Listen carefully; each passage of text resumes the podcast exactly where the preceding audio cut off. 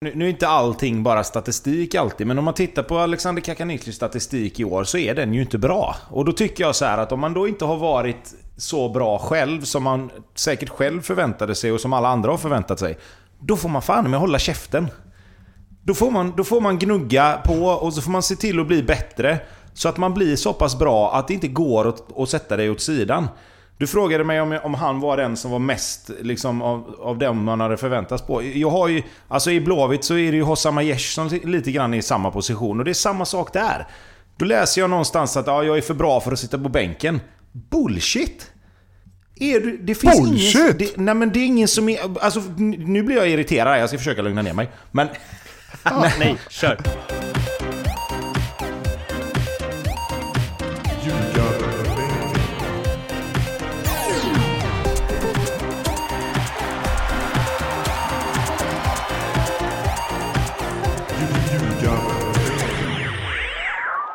Här är Ljugarbänken i samarbete med Nordic Bet. Det är avsnitt... Ja, skrev du det i Köris, Lindström? 186 va? 186. Och eh, vi kommer strax bli eh, goa och glada och eh, härliga igen. Men först så mm, vill vi förstås eh, Eh, beklaga sorgen till alla som är på något sätt drabbade av Lars-Åke Lagrells bortgång. 80 år blev den förre förbundsordföranden. Och eh, ja, han har ju liksom... Eh, dels tror jag att jag tänkte att han var mycket yngre och det är knappt så att jag har tänkt att han har slutat. Eh, för att eh, men han syntes ofta när han eh, när han eh, var ordförande för Svenska Fotbollsförbundet och eh, ja, gjorde väldigt mycket intryck på, i alla fall på mig när jag var journalist. Alltid tillgänglig, eh, alltid eh, svar, även om det inte var de svar man ville ha alla gånger. Och sen så det jag minns allra tydligast är ju när han bjöd på sig själv så det stod härliga till i, det var någon fotbollsgala va? När han var, var det Batman han var utklädd till? Kommer ni ihåg det här? Nej, det minns jag inte.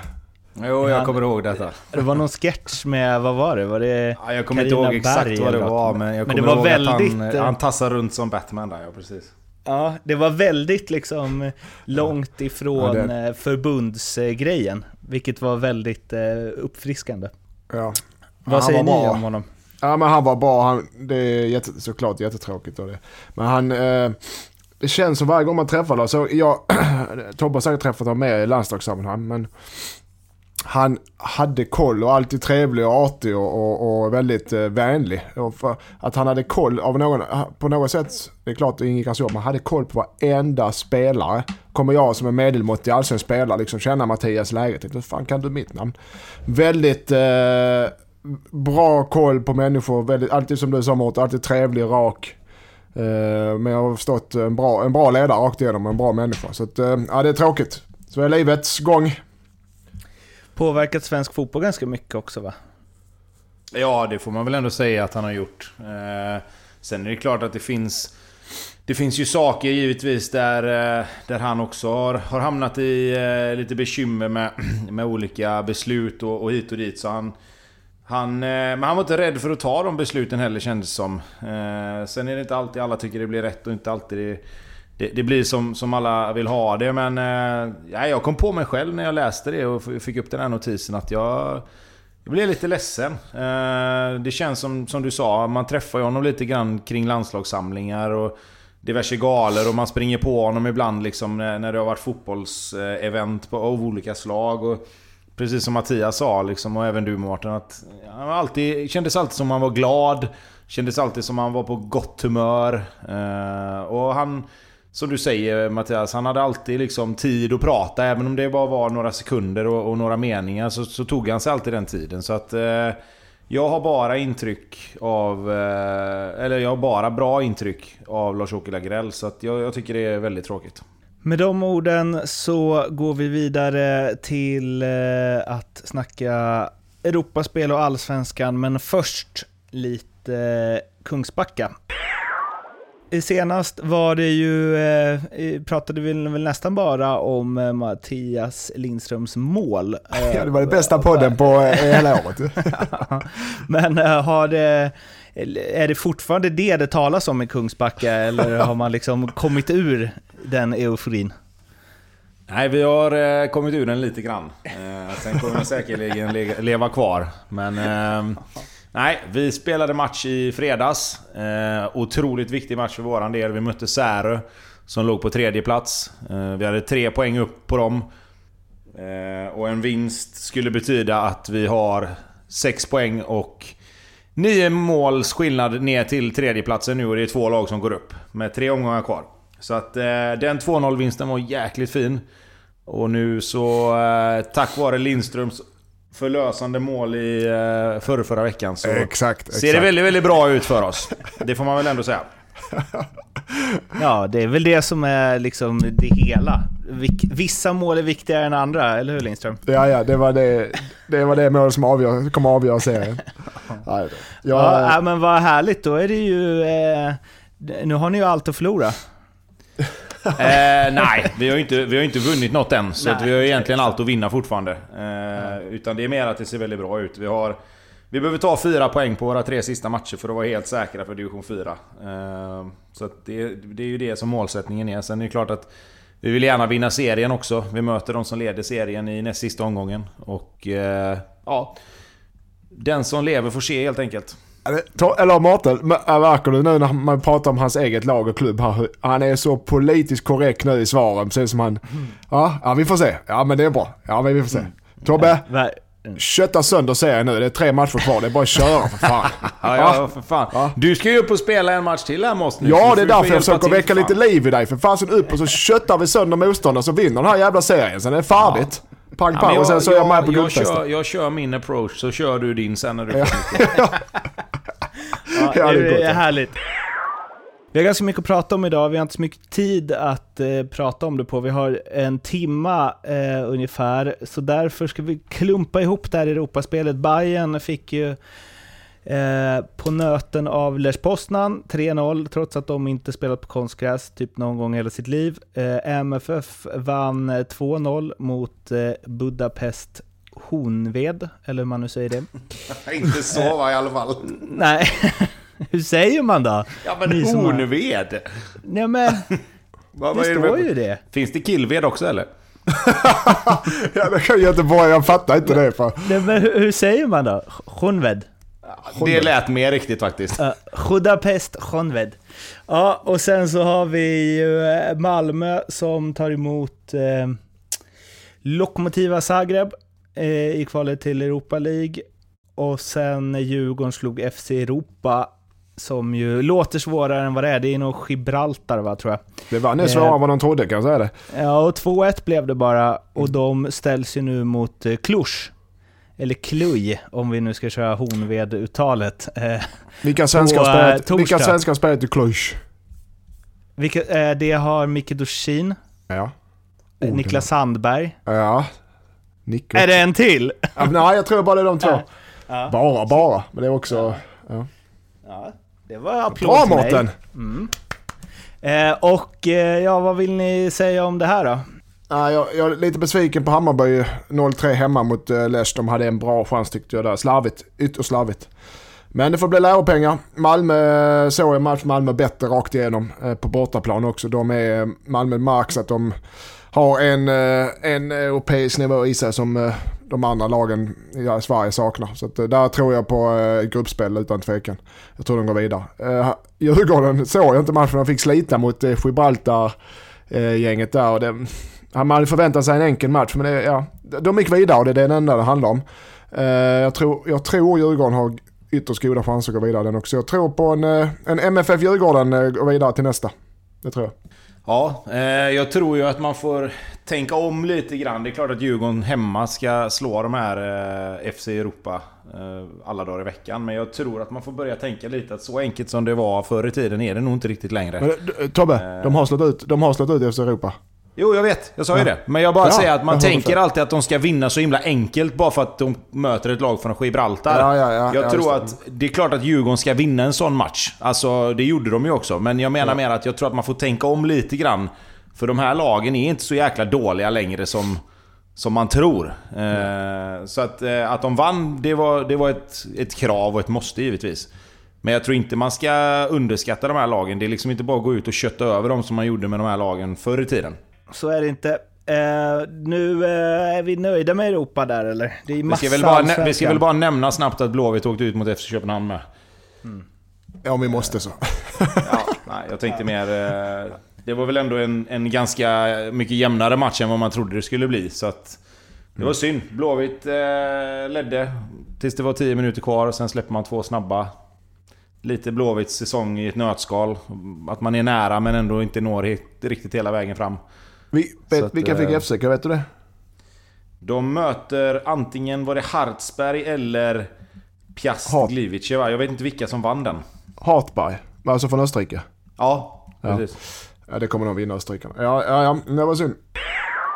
I Allsvenskan har det ju spelats eh, derby, AIK Bayern 3-0 blev det och det är ju en speciell säsong som vi sagt tusen gånger, ingen publik och så vidare.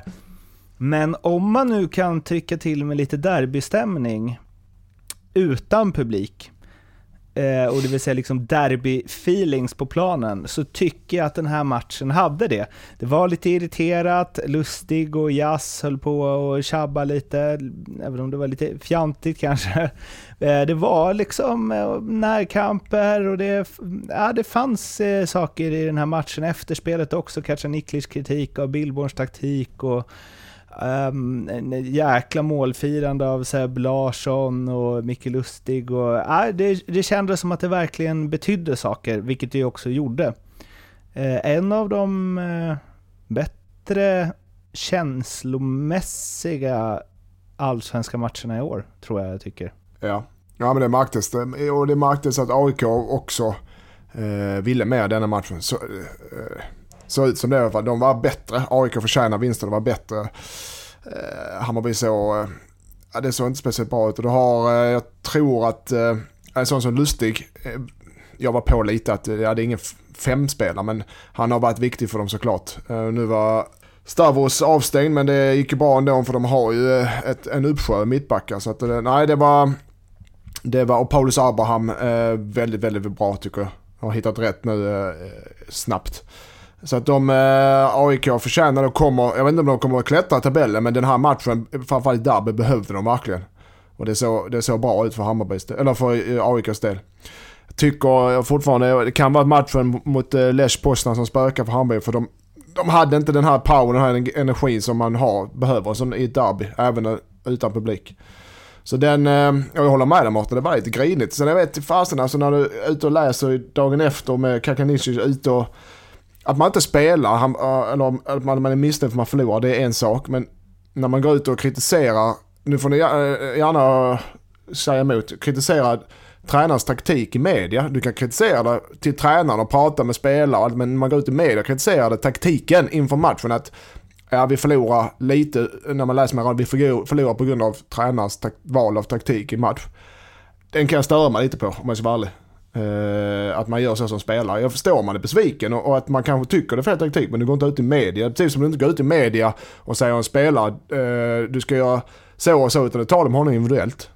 Det är samma sak här tycker jag. Jag vet inte om ni håller med mig eller inte. Ja, jag håller med dig till 100%. Alltså, Ja, jag tycker och- så här att det, är det någonting du inte ska göra efter att du har förlorat en match så är det att gnälla på något annat än dig själv egentligen. För att det blir... Det, det sänder, dels sänder det fel signaler. Och dels så hjälper det ingenting. Om du inte har en agenda du vill ha fram. Eh, och då är frågan om du ska ta den via media egentligen. Eh, för att det enda jag kan tänka mig med Kakaniklis utspel det är att han vill ha bort Billborn i så fall. För annars går man inte ut och säger en sån sak. Du går, framförallt om du börjar på, han börjar på bänken också. Ja men det, det tycker inte jag spelar så stor roll egentligen. Alltså, då, då, kan man, då kan man gnälla på att man inte får spela. Det har vi ju sett tusen gånger. Spelare som liksom någonstans är missnöjda att de inte får spela och de förstår inte varför de får sitta på bänken och hitan och ditan. Och någonstans är det ju så här att oftast har ju de spelarna varit dåliga. Ja, det är Eh, tränarens val. det- Men, Ja, nej men jag menar det. Men, att, men att man går ut och klagar på en taktik. Jag menar någonstans är det ju så här. De har ju ändå tränat på den här taktiken. De har ju ändå vetat om att okej, okay, men det här är det vi ska göra. Då säger, du väl då säger man väl någonting på träningen. Antingen så säger man till på träningarna dagen innan att fan det här känns inte riktigt bra. Blir det så sen då att tränaren tar den taktiken i alla fall, ja då kan man gå till tränaren efteråt och säga Fan jag sa ju det, det kändes inte riktigt bra det här. Vi, vi, vi gav ju det ändå lite signaler men du går ju mig inte ut i media och säger en sån sak.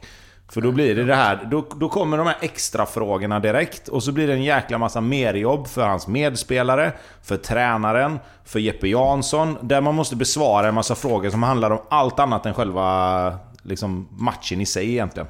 Nej, jag, jag, jag blir lite irriterad när jag ser sådana grejer. Jag måste eh, säga en sak om det. Katja Niklic. Är det den största, liksom, vad man trodde inför säsongen och vad det blev? Av alla spelare i Allsvenskan. Han tippades som skytteligasegrare av många inför, även om det kanske var ett lite konstigt tips. Men det var liksom han som skulle anföra tillsammans med Tankovic då, men Tankovic har ju ryktats bort, ryktades bort hela tiden. Men det var han som skulle anföra liksom allsvenskans vassaste offensiv. Eh, och skulle liksom ta ytterligare eh, ett steg från förra året. Och det det har lett till är ju att han eh, dels inte var bra när han spelade. Eh, Bayern har haft liksom en riktigt dålig säsong mot vad man trodde innan. Och det är inte första gången han är ute och gnäller i media. Det var väl efter förra derbyt också. Eh, men nu blev det ju jättetydligt. Alltså det känns som att... Eh, eh, jag vet inte, det, om det var... Var det du som sa Tobbe, att så här, om han vill bort liksom? Eller så här, antingen vill han bort Billborn eller så vill han bort själv. Annars så gör man ju inte sådär. Känns det som. Nej, men alltså någonstans handlar det ju så här också om att... Jag menar, om du tittar på... Nu, är inte allting bara statistik alltid, men om man tittar på Alexander Kakaniklis statistik i år så är den ju inte bra. Och då tycker jag så här att om man då inte har varit så bra själv som man säkert själv förväntade sig och som alla andra har förväntat sig.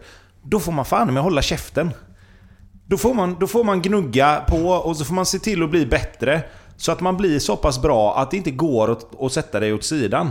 Du frågade mig om, om han var den som var mest liksom, av, av dem man hade förväntats på. Jag har ju, alltså I Blåvitt så är det ju Hossam Aiesh som lite grann är i samma position. Och det är samma sak där. Då läser jag någonstans att ja, jag är för bra för att sitta på bänken. Bullshit! Är du, det finns Bullshit! Ingen, det, nej men det är ingen som är... Alltså nu blir jag irriterad, jag ska försöka lugna ner mig. Men...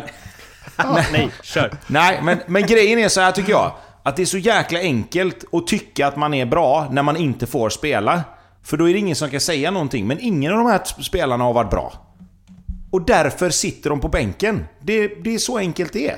Och då är inte det man ska göra, gå ut och säga i tidningen “Jag är för bra för att sitta på bänken, taktiken var fel”. Nej!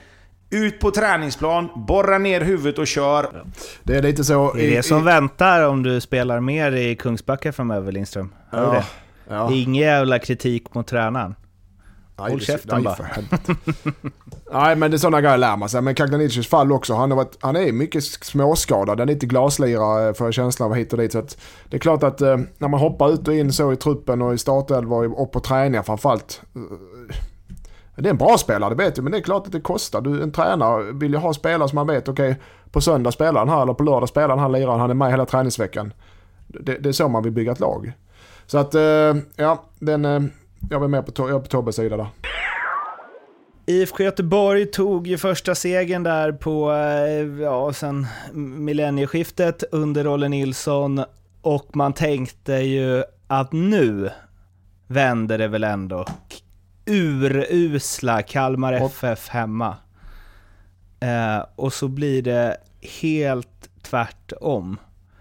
Eh, och innan vi går in på liksom, eh, ja, Eh, efterblivna människor som tar till efterblivna metoder så eh, kan vi väl eh, liksom fokusera på fotbollen och ja, det blir ju alltid du som får prata om det Tobbe, men det är ju rimligt. Eh, vad, hur, ja, är man tillbaks nu i det, där man var fast under Poja?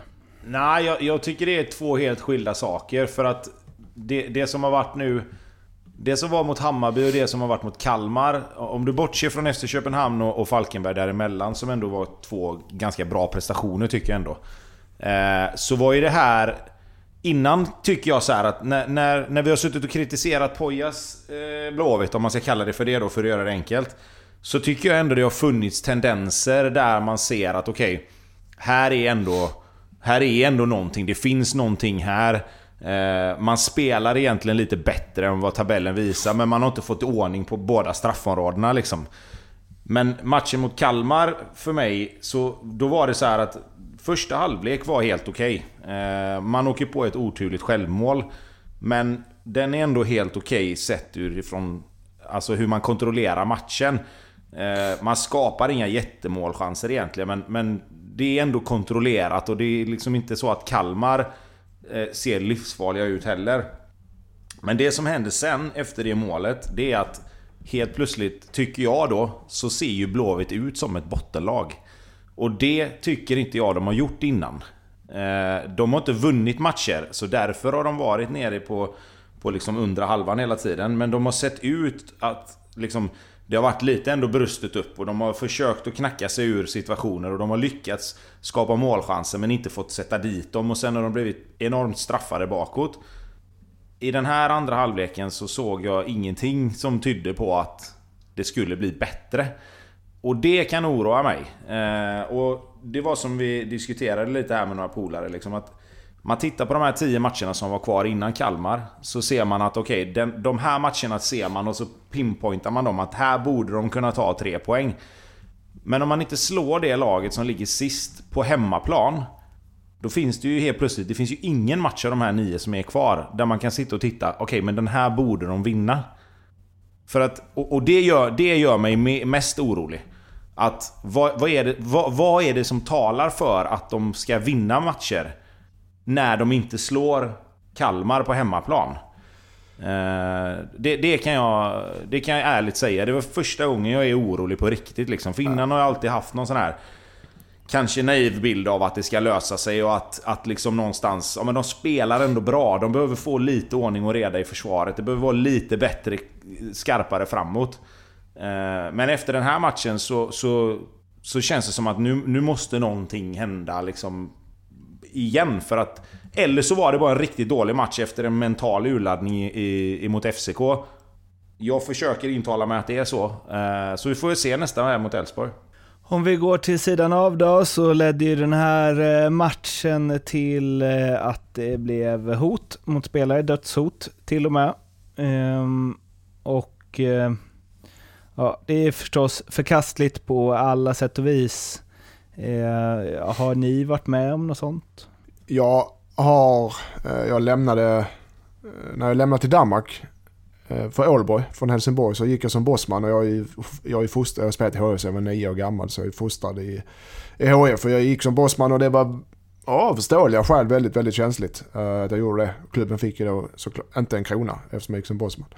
Uh, och då hade ändå HIF erbjudit mig nytt kontrakt. Men jag tackade nej för jag ville prova något annat. Det var inte svårare än så. Och jag ångrar inte att jag gick. Jag ångrar däremot att jag gick som bossman. Men det är också en annan sak. Men då fick jag uh, hot eh, frekvent en tid. Uh, men inget på familjen som tur var. Men på mig personligen så kom det hot, dödshot i ja, en del. inget som jag polisanmälde eller som jag gick till vidare med klubben. För jag, jag kände väl att det var mest i frustration. Men ja, så att jag har varit med om det utan att det har inte, det har inte tråkigt men, men eh, det har inte berört mig så satans mycket just för att jag kände att okej okay, det är nog mest frustration. Eh, det är inget, ingen på familjen och liknande. Som det är i detta, vad jag har förstått i detta fallet, det var familjen inblandad också. Då går det till, då blir det absurt helt plötsligt. Det är det ändå, men jag menar att man, att man, ska, att man ska behöva få ett dödshot för att man spelar dålig fotboll, det ska inte existera. Men ja, det var länge sedan så det, den för mig är glömd. Men jag, man blir påmind när man läser sådana här grejer. Vad känner du Tobbe? Jag har som tur var aldrig drabbats av det själv. Eh, att man har fått kritik och eh, hårda ord mot sig, det är absolut. Men, men några hot har, det, har inte förekommit och det är jag väldigt tacksam över. Sen är det så här för mig att när det, när det blir hot mot spelare så, så är det ofta i frustration. Eh, det kan vara väldigt mycket och det är absolut inte acceptabelt på något sätt. Men när det sen går över mot familjemedlemmar och kanske framförallt när det går över mot rasistiska påhopp. Då slutar det lite grann att handla om fotboll för mig. För då blir det så här att då sitter det några jävla troll framför en skärm och så ska de vara görhäftiga. Och de har en sån jävla unken människosyn att nu passar vi på när vi kan använda den här rasistiska delen också. Nu är det utländska spelare som har varit kassa, nu passar vi på här. Nu får vi säga vad vi verkligen tycker. Och då blir det för mig, då handlar det inte så mycket om fotbollen egentligen. Då hade det kunnat handla om vad som helst. Det hade kunnat vara liksom... Egentligen... Ja, egentligen vad som helst. För att det, det de ser är en chans att... Och liksom hacka ner på invandrarspelarna som spelar för IFK Göteborg. Och jag tror nästan alla är svenska medborgare dessutom. Så det finns liksom ingen kontext i det överhuvudtaget. Eh, så för mig handlar det inte om fotboll här. För mig handlar det om människor med röten människosyn som bara ser sin chans och får spy galla bakom en skärm, eh, anonymt, utan att behöva ta överhuvudtaget några konsekvenser för det. Och jag spyr på det. Eh, jag instämmer. Och ja, vi behöver inte ge dem mer uppmärksamhet än vad de redan har fått. Utan vi går vidare och pratar mer om fotboll istället. Peking MFF slutade som senast de lagen möttes 1-1. Då var det en sen kvittering av Pontus Almqvist på eh, Leda stadion och nu så var det en sen kvittering av Alexander Fransson på ja, Parken, säger jag väl fortfarande. Och eh, eh, ja, Malmö du eh, postade ju en, eller Mattias Larsson postade ju en eh, tweet som du snappade upp Lindström, som ju pekar på att de har ju inte någon jätte, jättefin svit direkt. Nej, Malmö sliter och det är tacksamt för allsvenskan nu. Eh, sliter, sliter, men de har... Eh, det är bra för svensk fotboll, är det det du säger? Det är bra för svensk som eh, Lars, eh, Lars-Åke hade sagt. Ja. Eh, nej men eh, de har tre segrar på åtta matcher. Du vet, då har du... Eh, eh, och eh, har de mitt uppe i ett Europaspel också. Så att de... De är inte, går inte som tåg. De leder allsvenskan, de, de går vidare i Europa så de gör det de ska. Men de du vet, förlorar mot Örebro och kryssar mot AIK och kryss nu mot Norrköping. Så att det var ett tag sedan de vann i allsvenskan. Jag vet inte hur många matcher, fyra, fem matcher kanske. Så att där är lite grusmaskin ut. De andra klubbarna, det var ju viktigt att, eh, nu var det synd att det blev kryss mellan Elfsborg och Häcken igår just för att jämna ut sig lite. Men eh, det är, eh, jag tycker inte de ser så jäkla fina ut som de bör göra kanske. Men de leder ju och de andra lagen tar inte de tre poäng som de behöver så att det, det är synd att de inte gör det. Men jag tyckte Norrköping gjorde en bra match igår. Det, det, lite så här matchen skiftar karaktär. Ena stunden är Malmö som för, andra är Norrköping. Men jag tycker Norrköping var ändå steg framåt. Det, det var en, två bra allsvenska lag. Eh, så att, ja, synd om de inte drog längsta strået av Norrköping. Eh, men eh, ja, vi får se.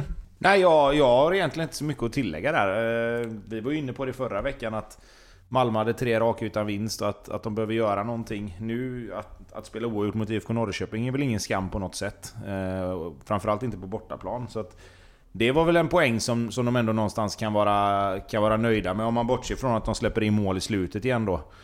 Eh, men det är klart att Malmö behöver börja vinna matcher igen. För förr eller senare kommer ju de här andra lagen och och vinna sina matcher. Eh, och då har inte Malmö råd med att, och kryssa här och, och förlora där. Liksom. Så att, eh, det ska bli spännande nu. Jag menar Häcken har en match till godo. Vinner de den är de bara tre poäng bakom och då är vi där igen. Lite som med Norrköping i början av serien. att Serien skulle ha varit avgjord och så är den helt plötsligt inte det och då blir det lite nerv. Eh, och även om Malmö har varit i den situationen förut och säkert inte på något sätt darrar så, så blir det ändå lite spännande för oss andra. Ja, och det är ju Malmö-Häcken i nästa omgång. Det kanske det, är till och med. Ja, just, just det. Malmö har eh, Europaspel innan det. Sen är det Malmö-Häcken. Den är underbar ja. match alltså. Det blir ju fantastisk match, ja precis. Då kommer Alm vara laddad. Mm. Det hoppas jag de är allihopa. Ja. På tal om Häcken då, så gästade de Elfsborg och eh, Johan Hammar, före MFF-spelaren, passade nog, eh, räddade poäng. Ja, och eh, ja, eh, en eh, ett ganska, ja vad ska man säga, rättvist resultat och kanske ganska väntat resultat. Det är ju två lag som har presterat bra. Ja, eh, rättvist resultat på så sätt att det var som du säger, eh, en jämn match. Två lag som eh, båda egentligen skapade chanser. Eh, häcken är ju jävligt frejdiga. De kommer till mycket avslut. Även om inte alla avsluten alltid är liksom högklassiga så, så, så, skapar de mycket chanser. Och just i den här matchen så, så skapar de även en hel del riktigt bra målchanser. Tim Running i Elfsborgs mål gör ju några sjuka räddningar. Eh, och Dahlberg också i, i, andra kassen har ju någon där med. Så att, Sett i det stora hela så, så, tycker jag väl ändå att det var rättvist. Eh, jag trodde att Elfsborg skulle ha lite mer boll än vad de hade på hemmaplan. Men Häcken stängde ner deras uppbyggnadsfas rätt, rätt okej. Okay. Eh, men som sagt, en jävla rolig match. Som sagt, mycket avslut. Eh, mycket, mycket anfallsspel skulle jag säga. Eh, inte jättemycket åt, åt de andra hållen men det, det var en match där det kanske borde blivit fler mål till och med. Du vet, och Häcken, häcken är, de har en bra form, de har, men där, jag tyckte... Ja, som du sa, det svängde friskt. För andra halvlek var det rock'n'roll rakt igenom. Det var, två, det var en riktigt bra allsvensk match om man ser till underhållningsvärdet. Uh, jag tycker Elfsborg, de har en... De har inte vunnit på fem matcher, har en formsvacka som är alltså eh, dålig. De fem matcherna det är fyra poäng. Det är de och Falkenberg som är överlägset sämsta formsvacka i Allsvenskan. Så att, uh, ja, de, behöver, då har de mot västkustderby mot Göteborg nästa, så den blev väl lite... Uh, en chans att vända det. För att jag, jag, jag, tycker nu, nu försvinner Jesper Karlsson, han har väl den sista matchen kanske. De behöver hitta rätt igen för jag tycker där börjar det där började det se tungt ut för dem. Nu har de haft Malmö, de har haft Djurgården, de har haft eh, Mjällby men alltså, och Häcken. Men jag tycker att eh, Elfsborg börjar hacka. Det är kanske inte så konstigt men eh, ska de hänga på det här Europatåget så får de nog börja plocka, lite, plocka trepoängare igen. Eller guldtåget för den delen. Nu har det blivit dags att ringa upp, inte Leo, men eh, Andreas på Nordic Bet och eh, prata lite specialodds. Andreas? Tjena! Tjena! Tjena, Tjena Andreas! Tjena, hur är läget? Har, det är bra. Mm. Vi får ju prata med dig. Ja, menar det. Har Leo, han har ont i halsen? Ont i rösten? Ja, det sägs så i alla fall. Ja. Är han på jobb eller? Eh, jag, jag eh, låter det vara okommenterat. Ja, det är tisdag. Vilken lojal arbetskamrat du är. Ja, men det är så. Får... Om, om Lindström hade supit ner sig och missat podden hade jag hängt ut honom direkt. Men jag är som bäst. Jag kan ju spela in podden full, det är det som är grejen Mårten. Då är jag ju som bäst. Eller kan och kan. Gör och gör. gör ja. Det sjuka är att mitt, ditt svar Andreas, det får mig att tänka så här. okej, okay, antingen är han på jobbet lite halvkrasslig, vilket inte är bra, eller så är ja. han hemma och så är det ingen som vet om att han är hemma. ja men det är ju det är annorlunda tider nu också. Vi sitter ju inte på något jobb så det kan ju vara lite både och det där. Ja, ja okej. Okay, ja. Ja, vad eh, har du att bjuda på? Ja, jag tänkte prata lite eh, topp tre och eh, Europaplatser till nästa år. För det verkar inte vara något lag som är sugen på att rycka där uppe från de andra. Eh, så jag tänkte vi har lite topp tre odds och eh, Tobbe och Lindström ska få välja ett varsitt lag som de tror kommer topp tre av de jag räknar upp och så blir det exklusivt boostat fram tills eh, nästa omgång som drar igång på lördag för alla våra lyssnare. Så topp tre då, Häcken slutar topp tre 1,40, Elfsborg 1,80, Djurgården 2,25, Norrköping 2,50 och sen longshot kanske på Bayern till 7. Vad sa, vad sa du på Häcken? Häcken 1,40. Alltså ah, favorit då av dem. Vad, vad hade, de kommer att ha slutat topp tre. Uh, vad hade Sirius? Oj, Sirius har du 13 på. Ja, jag tar den. Du tar den? Ja, nej, vänta nu här. Det kommer inte funka. Jag tror Elfsborg är klar. Djurgården tror inte på Norrköping. Men då säger jag så här då, att jag, jag tar Norrköping rakt av bara. Norrköping, den står 2,50 nu. Den, står till, den får du till tre gånger pengarna fram till omgången drar igång på lördag. Mm. Det blir jättebra. jag tar Sirius. Jag tar Sirius i 13 gånger pengarna då. 13? Ja, men du får... Um, du får 17. Ja, 17 ja, får du. Fan vad bra. Fan vad, fan vad gött att inte hålla med Leo. Jag tar det. Ja, men det, det, går aldrig. Det går aldrig. Du kunde fått 100 på den. Men visst, vi säger 17. Ja. Eh, bra, och sen så tänkte jag vi kör det vanliga här med eh, en trippel var för boysen. Ja. Vad har ni där? Jag kan börja då. Eftersom, och jag tar ju såklart Sirius för eh, poddens bästa ska ni veta att det blir lite spännande. Men vi kör. Eh, Trippel, Kalmar, Varbergs Boys. Eh, båda lag gör mål. Stenklar. Eh, Elfsborg, IFK Göteborg. Jag tror Elfsborg hittar tillbaka. Göteborg ser tunga ut. Eh, halvtid, fulltid Elfsborg. Ledare halvtid, vinnare vid fulltid. Och Hammarby Ja. vinner borta mot Falkenberg. Det vill jag ha en trippel. Kul. Eh, ska vi se. Löser vi det till 11 gånger pengarna, lite boostat där också. Japp, taget. Kanon. Jag älskar hur lätt det går. Nej, det är Ja, inte det, det. ja, jag, jag, tror inte det blir, jag tror inte det blir jättemycket svårare nu egentligen. Eh, men jag kommer att göra så här att jag har att Helsingborg vinner hemma mot Östersund. Ja. Eh, Elfsborg vinner hemma mot IFK Göteborg. Ja. Och AIK vinner hemma mot Mjällby. Rak trippel, tre ettor. Rakt och klart. Då ger vi 10 jämnt så blir det bra. Det blir hur bra som helst. Jag noterar här att det är, eh, det är inget förtroende för, för Blåvitt. Nej men alltså, ja, jag, jag kan svara på, för Tobbe. Med all rätt kanske för den delen. Nej men det såg eh, horribelt ut mot Kalmar. Just Tobbe sa att det såg ut som ett bottenlag. Det har inte gjort innan. Det, så- det, var det, det kan vara en engångsföreteelse men de har haft Europacupens lite och, det, och, och åka till på konstgräs där mot ett Elfsborg som jagar Europa, den är inte lätt. Jag tror bara Elfsborg är så pass mycket bättre, det är det som är grejen. Ja, Inga, det, inga, inga konstigheter, Elfsborg är bara bättre lag. Sen tror, jag, sen tror jag så här att jag tror att Blåvitt har förlorat så många matcher och tappat poäng så många matcher på hemmaplan att jag, jag, jag ska inte säga att det är så, men det kan nästan ha blivit en belastning att spela på Gamla Ullevi. Det är möjligt. Eh, Jag tror att deras spel, de har rätt många spelare som kanske... ah, Jag kan inte förstå att jag ens säger detta, men de har rätt många spelare som kanske passar bättre på konstgräs. Eh, De har Sana, Paka, Hossam, Sargon till viss del. Sen har de en del spelare givetvis som, som absolut inte gör det. Men, men jag räknar inte bort Blåvitt på något sätt. Men lite som du säger Lindström, jag tror bara att Elfsborg just nu är lite för mycket bättre. Ska, eh, intressant. Andreas, ska vi inte prata, vi ska inte nämna mitt långtidsspel som är inne efter redan 20 omgångar då. Det är inte aktuellt kanske. Med van den Hurk. Kör du, kör du Ja, du ja, låter jag sugen. trodde att det var... jag, jag fick in ett långtidsspel. Eh, första att eh, van den Hurk, fem, över fem gula, eller fyra och ett halvt tror jag det var, och eh, över sju mål. Över sex och ett halvt mål. Jag ska se om jag hittar. Har det var du oddsen på den eller? Ja, en sekund där Ja, så ska jag nog eh, gräva fram det.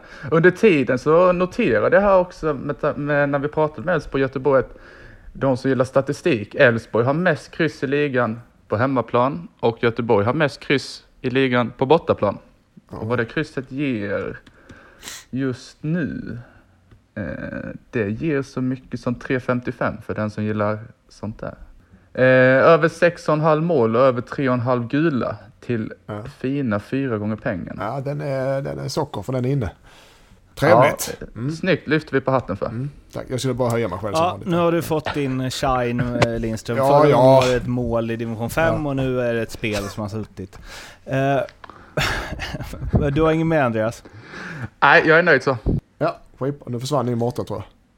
Ja, Det var kändes så va? Jag tackar för mig så länge så får Ja, ni leta upp. Mårten. Jajamän. så. Ha det bra. Det. Nej. Tja. Aj, aj. Det där var alltså Andreas på NordicBet och eh, kom ihåg att spela ansvarsfullt och att du måste vara minst 18 år för att spela och behöver du hjälp eller stöd så finns stödlinjen.se. Sirius har vi varit inne på ganska mycket ju och eh, de eh, trummar på och ja, din gamle eh, lagkamrat eh, Lindström, Elias Andersson, han kan skjuta han. Ja, han har bra tillslag. Han, framförallt har han bra träffbild. Eh, han sprider inte, man kan ha bra tillslag utan att göra mål för den, ett enda mål i sin karriär. Bra träffbild. Eh, jag hörde eller läste snabbt upp någonstans att eh, Kim och Tolle är intresserade av att få honom till Djurgården till nästa säsong. Och det förstår jag, de har ju haft honom i Sirius innan. Bra spelare, jättebra spelare och en eh, som man... Eh, klok... vad säger klok vet inte fan om han är men eh, En smart, eh, ambitiös spelare. Så han är, det är en bra varvning för toppklubbarna. Vecchia också mål igen. Det var någon som skrev på Twitter. Väljer han svenska eller italienska landslaget? Eh, och eh, ja, det här var väl en match som Sirius skulle vinna, men Ja, de, de gör ju det också.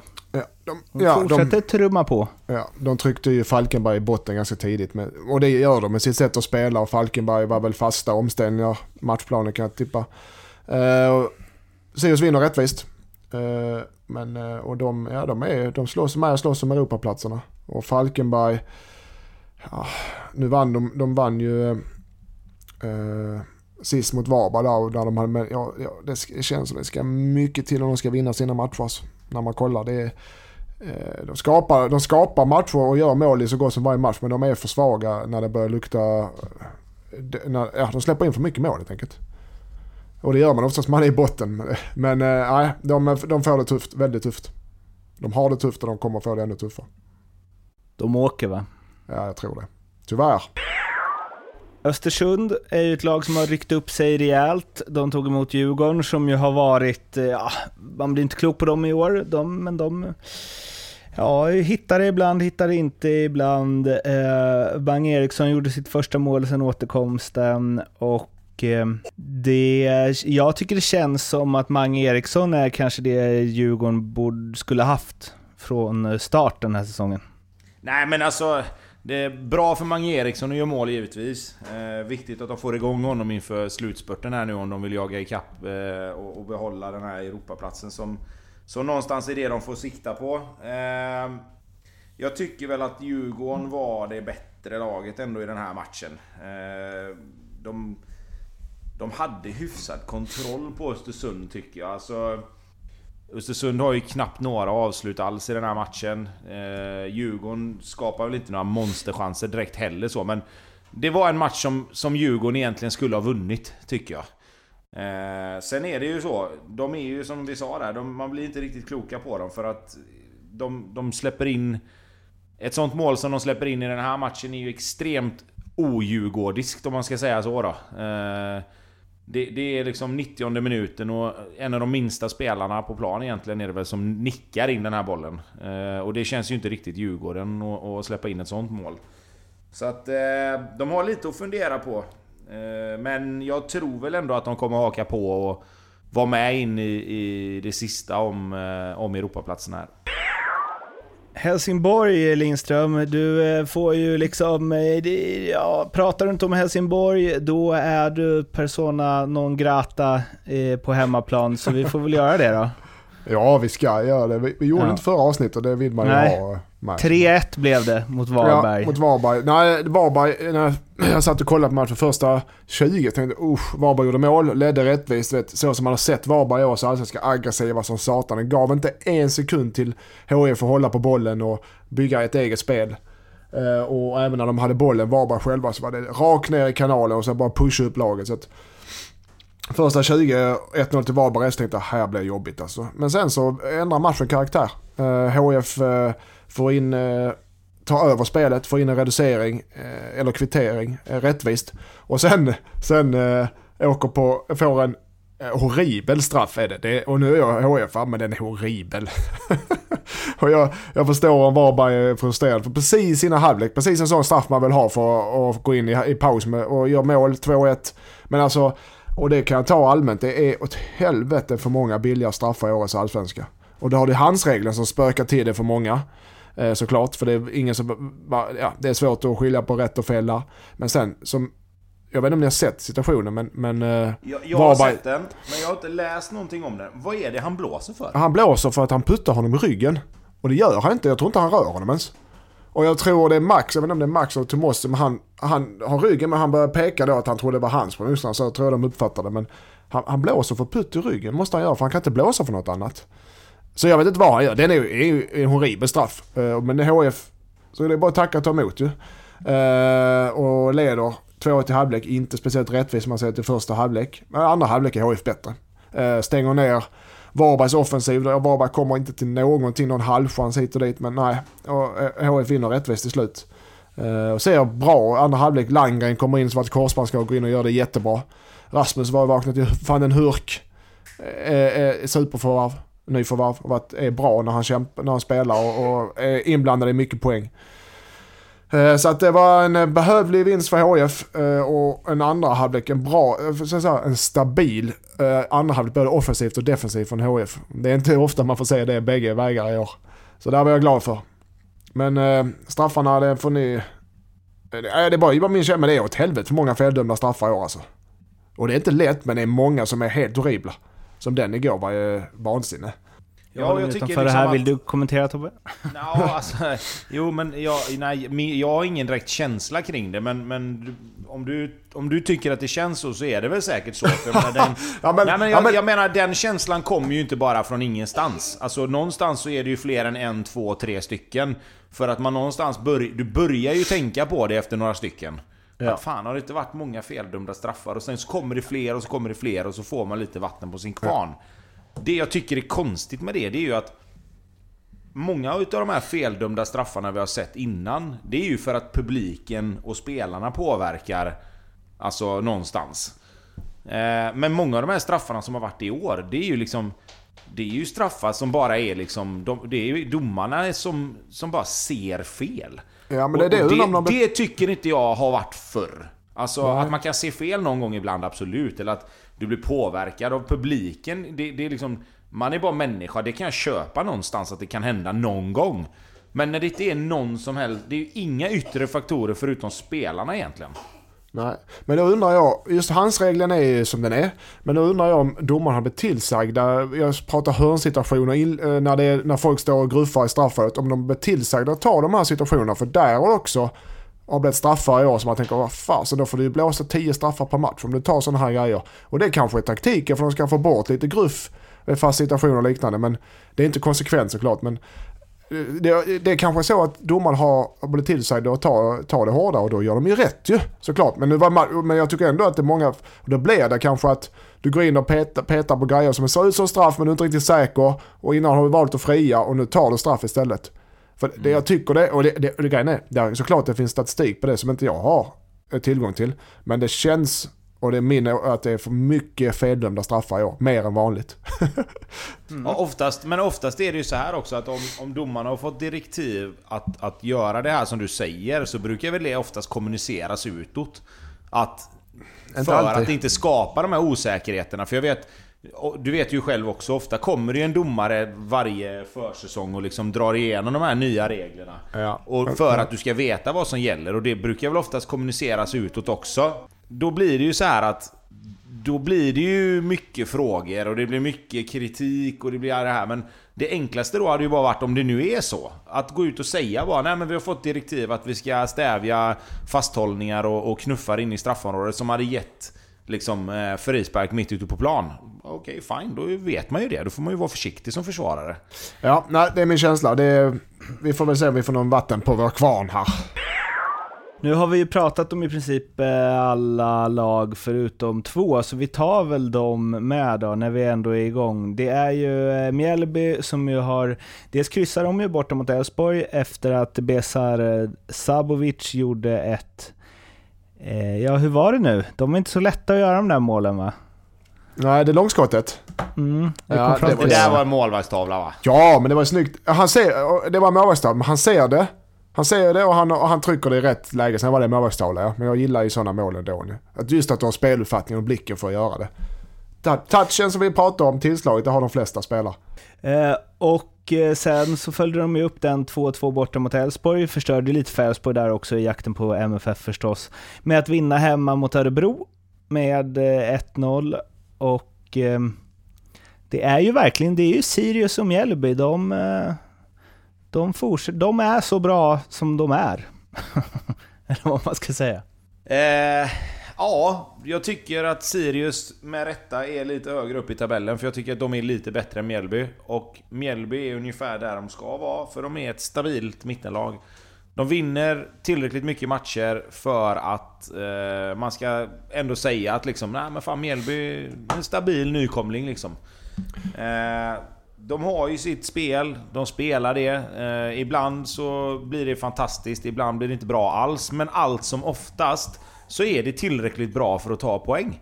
Eh, och någonstans är det ju det som är hela grejen med att vara nykomling. Du ska ta de poängen du behöver första året. Sen kan du bygga vidare, du kan spetsa och bredda truppen om du har möjlighet att göra det. Nu är det ju ett jäkla speciellt år just i år med Corona och det här men... Jag tror Mjällby någonstans ändå känner att nej, men vi, vi, vi har gjort det som, som vi har förväntat oss. Eh, nu handlar det om att ta nästa steg liksom. Och med, med, de poäng, med de poängen de redan har samlat in så borde de rimligtvis kunna planera redan för nästa år då. Ja. Eh, vilket är ganska tacksamt för en nykomling att kunna mm. göra så här tidigt. Ja, jag pratade med, faktiskt med Lans tidigare idag för, i ett annat ärende.